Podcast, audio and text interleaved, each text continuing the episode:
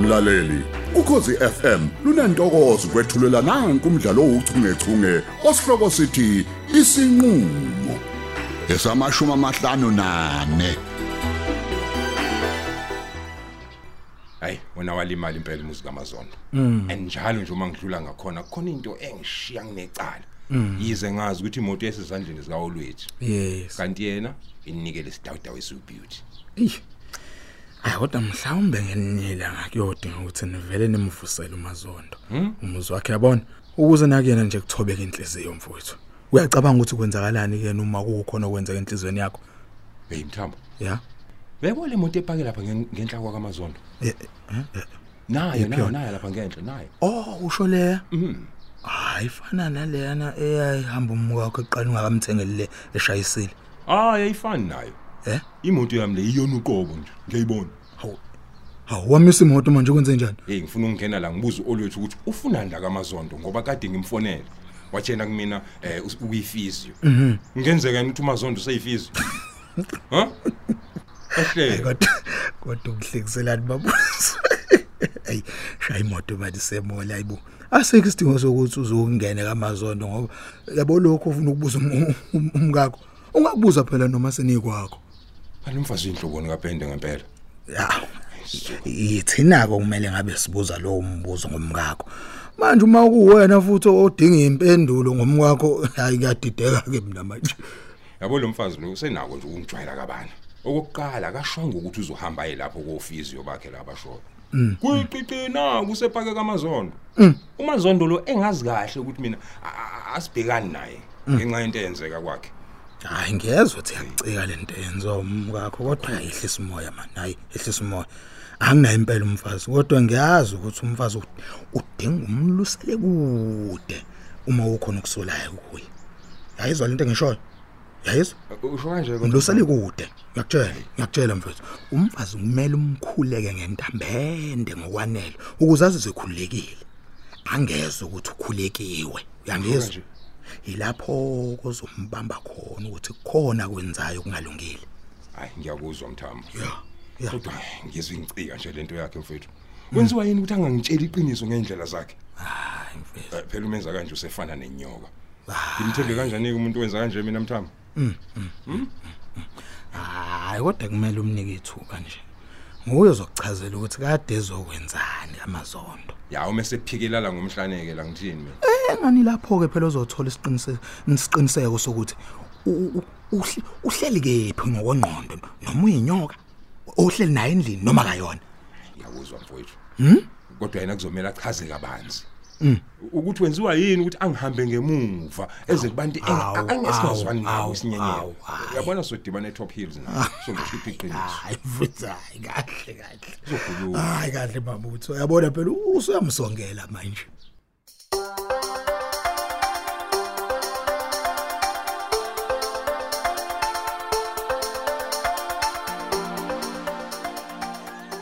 Awu, sanibonana ekhaya.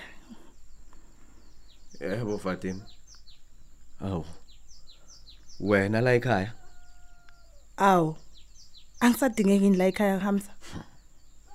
Umbuzo omunje lo ngibuza wona Eyiwe ngempela. Fatima. u- Ungazozenza nje isilime mina kabha wena.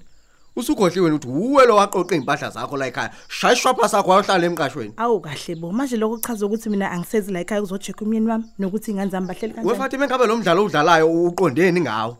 Mdlalo omuni lo udlalayo. Ngicela ungisize ngalokho ke mina. Shona into eyizelela ekhaya ngoba manje uyabona ukuthi ngibhezi mina. Gcwala amaphepha phe kwetafula. Ehlisa umoya. Yini wavutha umlilo nje owezivuthavuthi. Njengoba ngishilo nje ukuthi ngizodlula nje ngizokubheka.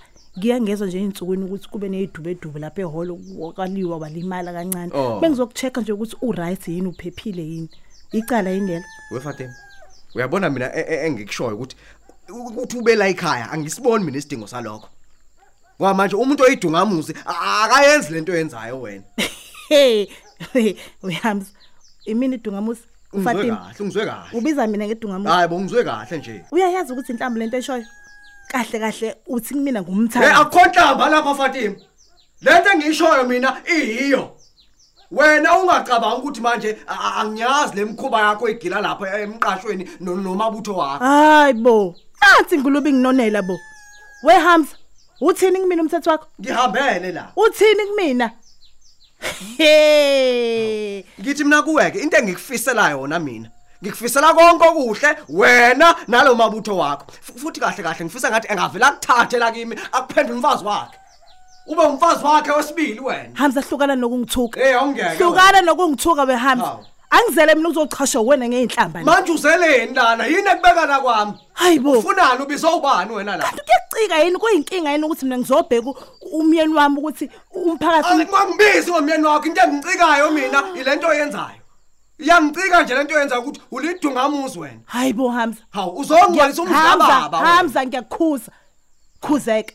Uyaqhubeka namanje ungichapha ngenhlamba. Kanti kwenze njani ngempela? Ziphi kanzala ekhaya zizongizwisa lemhlolo lo. ungalingi ungibuza indaba kaZara wena ngoba nguwe manje o- o- o- o- obhongoza le ndaba ukuthi a- aqomane nalo mfana kamabutho angithi niqomene nina uba uqomile ngaleyana naye uqomile lapho uqoma umfana wakhona uqoma uyise yena uqoma indodana Eh? doda imuntu ofundisa ingane usumdala kangaka uguge kwagugu ugugiswa lo mjolo wakho Hayibo. Yazi ngavene ngaphelelwa amazwi. Angazani nawo wonke lamacala ongithwesa wona mina Hamza. Angazani nayo yonke lemfishi Hhayi, imfishi oyikhulumayo. Ntwentisipili. Uyabona ke, qhubeka ungithuke, uqale ngami, ngishonise phansi, ngishonise phezulu, angisana ndaba. Kahle kahle nje akusazweli. ehe ugila imkhuba yazi ngobani ingoba kusazweli ingakho ugila imkhuba ngithi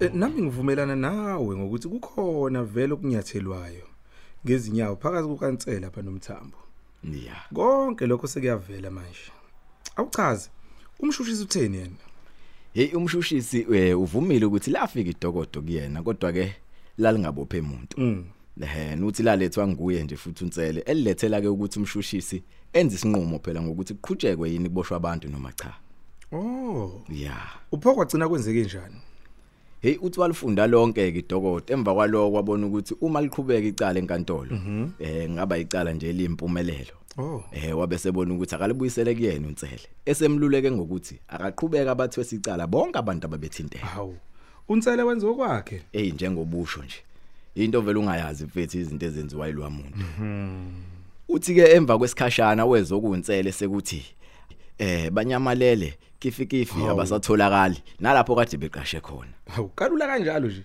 ngoba kwakona nje mfethu ukuthi kungani abasola bengaboshwanga kusaqala ngoba phela baba nje eqotsheni nezicubu zabantu Eh sasingekho nje isidingo sokuthi icala lize liswe enkantolo eh kuyonquma umshushisi hayi bekuyacaca phela ukuthi inhloso kwawukunika bona abasolwa laba sengisho bona besuthu ithuba lokuthi babaleke beqe baye ngale kwela kubo hayi mfowethu okunye ke futhi kungenzeka phela ukuthi ya ngesikhathi beboshwa bagwazisa ukuze kubanjezelwe icala lokhu liyiswa kumshushisi engathi ubhekene nenzuka ayikeyi yecala lamthunzi hey manje ke ukusuka la uzokwenza njani ke manje mthunzi hey umbuzo omuhle kakhulu lo James kodwa ke hey impendula ngifuna ukuqamba manga inzima mhm kodwa ke hey bese ngicabangile la mfowethu okubili okokuqala nje ukuthi ngenze iapplication yokulalela izingcingo zikaNtsele nomthambo right angithi uyabona ukuze ngizwe phela ukuthi ezingxoxweni zabo ayiveli yini lesicubo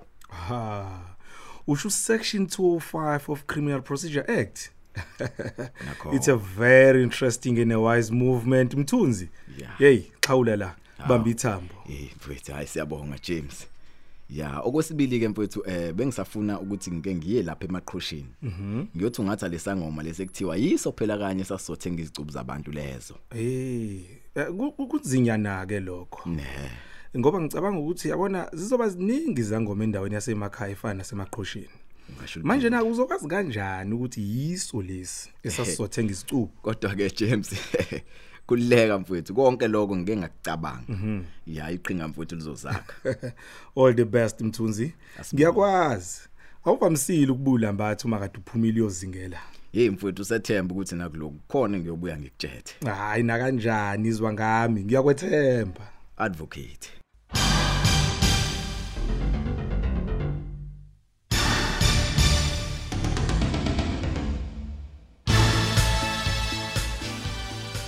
cha mthambo angingoba ngimsongelo olwethu ukuthi nje yonke lento ngiyayibona ukuthi ibheke kuphi eyi eyi kwaze kwagcwala ke bona lapha Mm. kanti wenze njani yazi lokho kade sikubalekele temba eyi hayi ukuthi singaze sibone abantu abaningi eyazela silethe kukhuluke la Ah, kodwa yabona phela kugcwele ngeke- kanjani Ngeke kwafa umuntu masibona sindawonye mthambo. Akekho umuntu wasinqumela ukuthi singabi ndawonye. Mm. Isinqumo sethu lesi esasithathela sona ukuze lo mshusha phansi wethu yabona Ya. isebenze ngempumelelo. Hey, mina phela kuyiqiniso ikodwa hayi mfowethu. Uma ngabona omunye wakacele lokho, hey ngaphazamisa izinhlelo zethu ezinkulu. Ngeke. Kwamina sekudingeka ngichazeke manje imdadi yokuthi ngihlanganiswa yini nawe size sihlale nasemoli. Uyayibona nje leyo nto hayi. Hayi suka khohlwa ile nto mthambo. Akho umuntu ozosibona la ngaphandle komuntu obevele nje silandele esilu- esilusile. Oh, hayi phela hayi ngoba ngisaba phela bengimane ngisho phela namabutho. Wewe uyangazi ukuthi anginalo uvalo mina entanyeni njengayexoxa. Ya bengisachaza ke la ukuthi akungoba ngimsongelo olwethu. mina. Okay. Ukuthi nje ayikho into ecika njengokuthi umuntu wakho umthande. Yes. Menzele yonke into, umfake na kuma spas, yonke lento yokucofa cofa. Kodwa ekugcineni azokwenza lento yenzo olwethu. Eish. Kodwa phela ungakhohle ukuthi usemncane mngakho mabutho. Ezinye izinto uzenziswa nje ukubhayizwa ukuthi ingqondo yakhe ayikavuthwa kahle. Hayi ikho leyo nto mncane kuphi lo? Hey umuntu mayesedlule ku21 usuke semdala ngokwanele. Futhi hayi no21 yazi nje uma ngabe uke wadlula ku18 usuke usuyi adult, umdala ngokwanele. Hayi ngiyakuzwa. Hayi kodwa mina nawe siyazi ukuthi kuningi okusafanele ukufunde kuleyo mnyaka. Yabona nje kuleyo mnyaka ngempela o18 21. Yazi ngiye ngisole kodwa. Ngiye ngisole ukuthi ungabe ngangidakwe yini nje nami. Awu. Hloboni yewhisky lengangiyiphuzile mzukwane ngisuke lingane lihlaza semanzi emva kweindlebe elingana nomsizi ngithathe mina ngizoyenza umfazi yabo manje yangivurvaya Hayi kahle bokubalisa kangaka. Hayi man, amanzi amancane lawo man angadingi ukuthi azaqwashise ebusuku.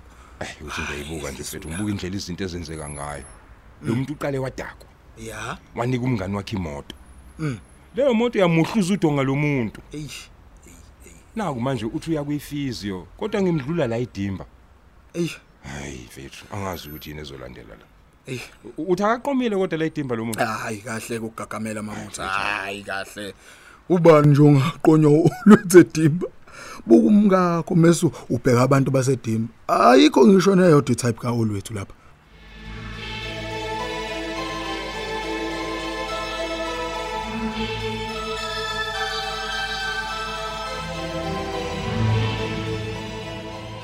Hey Eh, kodwa James mfowethu. Eh ngiyayithanda nje kona ke eh indlela ongithemba ngayo bhuti wami. Ya nami nginikeza nje mfowethu ugqozo lokusebenza ngokukhuthala. Uyabona Mthunzi. Ngikuthemba nje ngoba ngiyakwazela Mthunzi. Ehhe. Uyabona sengisebenze nawe iminyaka eminingi kakhulu. Uphenyo ulwazi njengoba uzazi.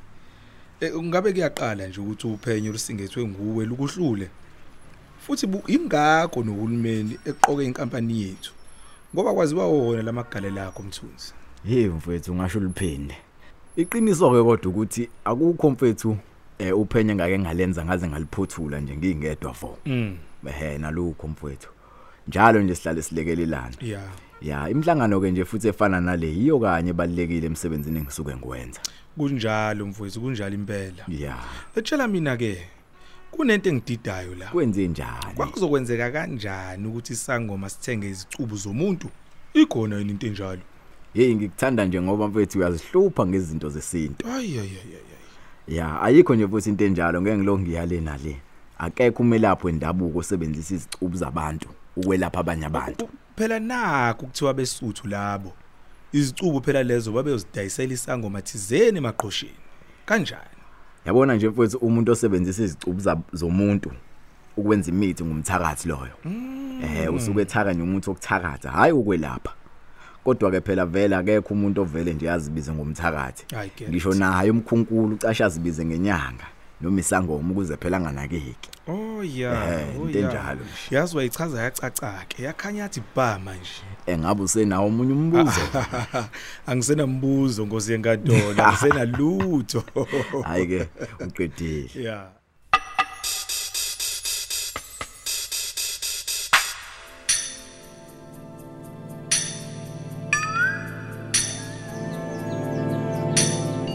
uyabona wena fatima uyabona na Fatima kumele wazi ukuthi lobo ubuqili bakho benzayo uyangicika ufika ugila imkhuba wena uma usubanjwa sikubuza imibuzo busubhika yonke into wena he uyajabula bo uyabona wena hamza ngiyayibona kahle yonke lento yenza la wena umthetho wakho ufuna mina lo fatima ngivume yonke into engayazi ufuna mina yonke le nonsense eshoyo mina ngiyivume ngithi ngiyenzile Nonsense. okokuqala nje mina kho mgube ngiyigilile mhlawumbe nje futhi ukhuluma kakhulu nje umuntu ogila imikhuba kahle kahle la uwena isikhohlakala uwena uwena uyagula wena u- uyahlanya ekhanda lokho kushoyo ukusho ngoba nakho wena wazi ukuthi usekuna wonke umuntu la emhlabeni wena kanti you are wrong uma ucabanga kanjalo khuleka ke yazi ngisho ungakhuluma uzutsheka umlomo ngisho ungavula amehla azabe ingqhemu uyangibona mina fatima angeke nje ngize u- u- ngivule into engayazi ngeke nje ungibheqe ngobende inyama angayidlanga never Eh, hayi kulungileke lalela-ke into ezokwenzeka njengamanje ukuthi wena komele ungitshele ukuthi yini oyenzayo ngoba yabo le ndaba yakho yokwehla wenyuka la iyangicika futhi ngeke ngiyimele mina leyo nto awungitshele kahle njengoba ngihleli mina la ngikhamisile la phambi kwakho ikubi lokho hlokenyuko okhuluma ngakho kona kuphi yeyi thula wena kumele ucacise ukuthi uyabuya la uzohlala la ekhaya ukuze mina ngiphume noma uyaqhubeka nalo mqasho wakho wokungcola le ndaba yakho yokuthi uzofika wenze ukungcola le emqashweni bese ubuye uzongcolisa abagceka wobaba em iyabheda leyo nto ngoba futhi ungcolisa negama lami imbala Oh, yazi ngathi sengiyayibona lento yakho mina wehamza. Kahle kahle wena Hamza, ufuna mina ngibuye.